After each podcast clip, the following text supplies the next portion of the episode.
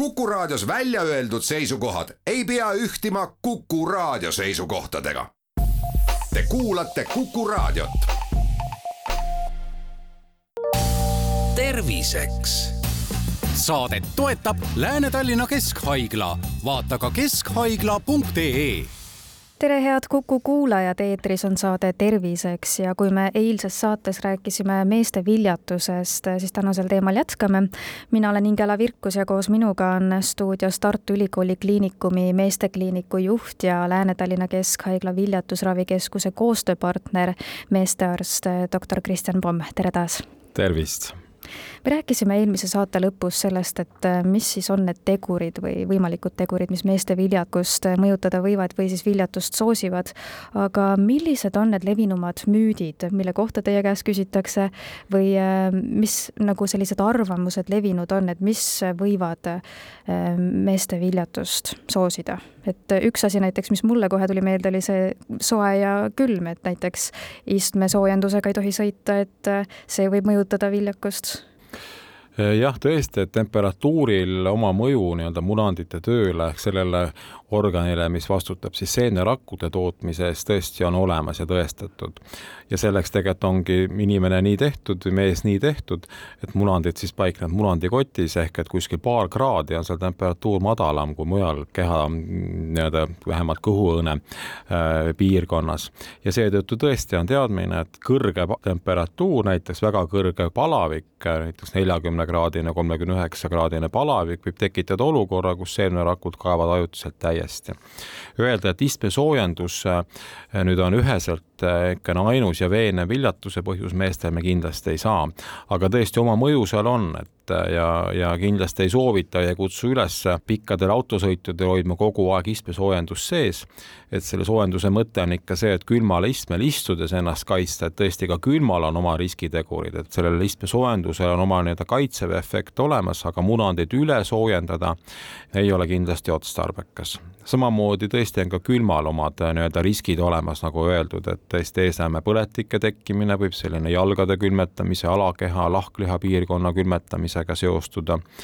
et kui ikkagi ei ole näiteks tegeletud kunagi talisupplusega, siis äh, sellega alustada kohe nii-öelda kõige külmemal äh, talvepäeval ei ole kõige parem mõte, et see võib lõppeda ka halvasti, et võib saada küll väga hea sellise nii-öelda eduelamuse ja tõesti sellise karastava kogemuse. kehvemal juhul võib see lõppeda ka prostatiidiga, millest tekib krooniline haigus, mis ka tegelikult on üks viljatusega seotud nii-öelda nüanss, et ka need kuseteede põletikud, kroonilised kuseteede põletikud eriti, võivad mehe seemnerakke olulisel määral kahjustada ja takistada laste saamist kuidas aluspüksi valik võib seda mõjutada, et öeldakse, et aluspüksid peavad olema avarad? Tõesti on, on ka seda proovitud sellistes teadusuuringutes isegi uurida, mis ei ole küll väga tõsiseltvõetavad ja oma disainilt ei ole ka väga lihtne sellist uuringut teha. aga tõesti, et jällegi, kui need äh, riided näiteks ka aluspüksid sealhulgas on väga kitsad ja need suruvad munandit väga keha ligi, et siis ilmselgelt seda temperatuuri seal munandi piirkonnas tõstab ja võib äh, mingis osakaalus tõesti sellist äh, nii-öelda mehe munandi funktsiooni pärssida. Öelda, et nüüd tuleb kindlasti kanda, eks ole, väga laiasid pükse, väga laiasid aluspükse või veel parem osta endale šotlastele omaselt kilte, et siis on kõik väga hästi ja kaitstud. ei ole ka selline nii-öelda tugev, eks ole, tõenduspõhine soovitus, aga oma nüansse kindlasti ka nii-öelda riietust valides on võimalik arvesse võtta olete te veel kokku puutunud mingite levinud arvamuste või müütidega, mis tegelikult üldse paika ei pea? No on jah, selliseid müüte ka, mis, millel on ka tõesti väga sellised nagu kurvad tagajärjed, et kui nii-öelda internetis guugeldada, siis kindlasti leiad info, et jah, et meessugu hormoon, testosteroon on väga oluline ka seemnerakkude arenguks. Ja kahjuks mõnikord ka need hormoonid on lihtsalt kättesaadavad ilma arsti juures käimata, et siis tõesti heas usus mees hangib kuskilt äh, näiteks testosteroonisüstid, süstib neid endale, aga tegelikult selle tagajärg on negatiivne, et kui inimene kasutab kehaväliselt äh, nii-öelda anaboolseid steroide, siis tegelikult normaalne hormonaaltelg läheb sellega täiesti paigast ära ja ajutiselt äh, tegelikult lõpeb normaalne munandi tööd reguleerivate hormoonide tootmine, mille tagajärjel keha ise ei tooda ei seemnerakke ega testosterooni, et siin kindlasti soovitan igasuguste ravivalikute puhul ikka alati enne arstiga nõu pidada kindlasti on ka igasugu müüte kõikvõimalike toidulisandite, toiduainete kohta ja ei ole noh, sage või harv küsimus, et, et mida siis peaks sööma, et oleks, olla veel viljakam, et siin ei ole ka sellist ühe, ühest ja ühtset soovitust, et noh, suure üldistusena öelda siis selline Vahemere dieet, tervislik toitumine, mis pole liiga kõrge kaloraažiga, võiks olla tegelikult üks nagu, nagu mõistliku toitumise soovitus nendele meestele iga päev süüa ära näiteks ka peotäis pähkleid, kus on tsinki, seleeni, mis on ka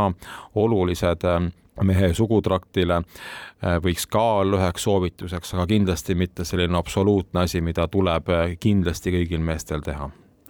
kui mehel on diagnoositud äh, viljatus, me rääkisime eelmises saates, et äh, väga palju on äh, viljakuse mõjutajaks elustiili harjumused. kas siis, kui mees muudab oma elustiili, et hakkab aktiivsemalt liikuma, muudab oma toitumist, kaotab kaalu näiteks, saab oma vererõhu korda, kui sellega on probleeme olnud, kas see juba võib siis nii suurt mõju avaldada, et viljatuse diagnoos kaob? Jaa, et siin on tõesti ka endal häid selliseid nii-öelda üksiknäiteid elust enesest, kus mees, kes on olnud väga suur nii-öelda alkoholi tarvitaja, seetõttu põdenud ka teist tüüpi diabeeti, suitsetaja kõrgvererõhutõvega, on oma elus teinud olulise nii-öelda kannapöörde ja tulnud tagasi kolm aastat peale seda, kui ta elas tervislikku elu, siis pilt oli kardinaalselt muutunud, ära olid kadunud erektsioonihäired,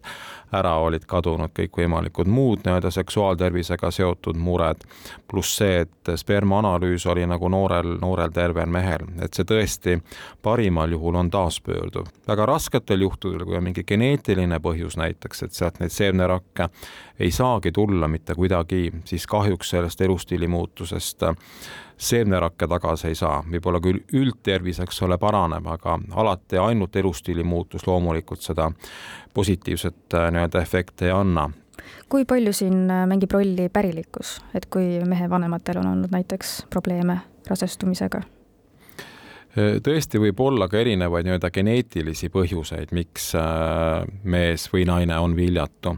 samas äh, on noh, siin oluline mõista, et juhul, kui inimene on viljatu, siis järelikult ta ei ole saanud ka järglasi saada, et see pärilikkus alati, eks ole, ei tähenda seda, et see on päritud oma vanematelt, vaid need geenivead mida võidakse ka pärilikkusena nii-öelda tõlgendada, võivad olla ka nii tekkinud, et need ongi sellel inimesel nii-öelda esmakordselt avaldunud nii-öelda de novo geenimuutused. Ja sellisel juhul on tõesti mõnikord äh, nii-öelda ainus variant kasutada siis doonorseemnerakke, juhul kui me ei suuda meest äh, mingite muude ravivõtetega aidata on ka selliseid nii-öelda geneetilisi vigasid, mis tõesti äh, võivad ka päranduda, võivad olla näiteks äh, ütleme, naisliini pidi hoopis äh, mingid X-liitelised haigused, mis siis naise puhul ei avaldu, mehe puhul jällegi võivad olla näiteks üksikud väga harvad juhud jah, kus seal on selline geneetiline viga, mis on siis päritud oma emalt ja seetõttu näiteks siis seemnerakkude tootmine munandis on oluliselt vähenenud, ehk et neid erinevaid nii-öelda geenivariante, geenivigasid vigade võimalusi on, on väga-väga palju. Ja noh, tänapäeva moodsa diagnostikaga on tegelikult ka siin võimalik neid paare aidata, et kui me näiteks teame, et mehel-naisel on mingisugune geneetiline viga ja näiteks see viga on selline, et see kanduks üle kõikidele sellele mehelt sündivatele poisslastele, siis on võimalik teha ka nii-öelda embrüogeneetika analüüse ja teha nii-öelda õigeid valikuid, et näiteks kui kehavälist viljastamist kasutada, et siis laps sünniks ikkagi just nimelt sellest viljastunud munarakust, millest tuleb tütarlaps ja see geeniveaga poiss jääks sellisel juhul sündimata kui mees sooviks siis enda viljakusnäitajaid kontrollida lasta, siis kelle poole ja kuhu ta esmalt peaks pöörduma või ja kuidas see täpsemalt käib, et kas ta peab oskama ise küsida neid teste ja uuringuid või? Üks võimalus on tõesti tulla siis Tartu Ülikooli Kliinikumi meestekliinikusse, kuhu tulekuks oleks vaja saatekirja perearstilt, juhul kui soovida teha kõiki neid analüüse Haigekassa rahastamisel või ka naistearsti saatekirjaga, juhul kui näiteks naine juba on käinud uuringutel ja saanud sealt vastuse, et kõik on väga hästi, siis võib ka naistearst anda, anda mehele saatekirja, et tulla meie juurde. ja on Eestis ka viljatusravikeskused, nagu näiteks ka Lääne-Tallinna Keskhaiglas, Nova Vita kliinik ja neid, neid on veelgi. et äh, see, neid abivõimalusi nii-öelda on, on mitmes kohas aga võib-olla kõige komplekssem äh, nii-öelda käsitlus äh, mehe viljakuse uuringute kontekstis on siis jah, tõesti täna Tartu Ülikooli Kliinikumi meestekliinikus soovi korral võib näiteks meestekliinikusse tulla ka ilma saatekirjata, et teha erinevad viljatusega seotud uuringud mis uuringuid ja teste siis täpsemalt tehakse, et just viljakusnäitajaid saada? viljakuse uurimine tõesti algab siis inimese läbivaatusest ja nii-öelda ka elu anamneesi võtmisest, et saada aru, kas on olnud elu jooksul mingisuguseid viljakust kahjustavaid haigusi, ravivõtteid, protseduure, operatsioone Äh, pluss hinnata munandi mahtu, vaadatakse munandeid ka ultraheli uuringuga, kuseteid, seemnerakkude liikumisteid on ka võimalik tegelikult ultraheli uuringutel vaadata, et üliharva võib tekkida ka olukordi, kus on mingid nii-öelda anatoomilised eripärad on jäänud mingid koed välja arenemata, näiteks seemnejuhad on jäänud välja arenemata, millel on ka oma tegelikult geneetiline nii-öelda tagapõhjus olemas. ehk et see diagnostika aitab meil otsustada seda, et äh, missugused ravivõtted antud juhul tuleks kasutusse võtta ja noh, põhiline kindlasti ongi ka spermaanalüüsi tegemine, hormoonanalüüside tegemine, kui me näeme, et on seal kaasuvaid haigusid väga erinevaid, muid terviseriske, terviseprobleeme, siis kindlasti ka üldtervise uuringud, et neid nii-öelda ravivariante ja käsitlusviise on, on, on tõesti rohkem kui kümme, mida, mida nii-öelda ette tuleb, et kõiki üles lugeda kohe ei jõua aga kui efektiivsed need ravid on, ravivõimalused? mõnel juhul on see efektiivsus väga kõrge, et näiteks kui tõesti piisabki inimesele nii-öelda mõistlike soovituste andmisest, inimese selgeks tegemisest, et äh, need on siis need vead, mida sa oma tervisekäitumises teed, palun korrigeeri neid, tegu noore mehega, neil ei ole see ajakriitiline, siis võibki sellest, eks ole, piisata see muidugi juhtub harva nii. kui me näeme, et on mingid põletikud kuseteedes, siis seal nende põletike väljaravimine äh, võib anda väga hea tulemuse. kui me näeme, et äh, on sellised olukorrad, kus on mingi hormonaalne nihe, mida võimalik hormoonraviga või hormoonsüsteemi mõjutava raviga muuta, siis ka sel juhul võivad tulla tulemused väga head kui on mingid geneetilised põhjused, mida me ei saa ravida, siis tõesti on olukord raske ja, ja emotsionaalselt keeruline nii patsiendile kui arstile, et aga õnneks ka seal on lahendus, et on doonor seemnerakkude kasutamise võimalused, siin ka tuleb siis nii-öelda nõustada ja julgustada et juhul, kui on doonorrakkude kasutamine üks võimalus, et saada isaks või naisel ka emaks, eks ole, näiteks doonor munarakkude abil siis ei tasu seda võimalust nii-öelda käest lasta ja, ja enda jaoks läbi mõelda, et millised variandid siis sobivad ja millised mitte viljatusravis on kindlasti üheks võimaluseks ka kunstliku viljastamise kasutamine, et juhul, kui on tegemist näiteks raske nii-öelda seemnerakkude tootmise häirega, on väga üksikud seemnerakud, siis sellisel juhul on võimalik teha ka kehaväline viljastamine, mille tase täna Eestis on väga hea ja tõesti need viljatusravikeskused äh, suudavad äh, sellistel juhtudel neid viljatuid paare väga hästi aidata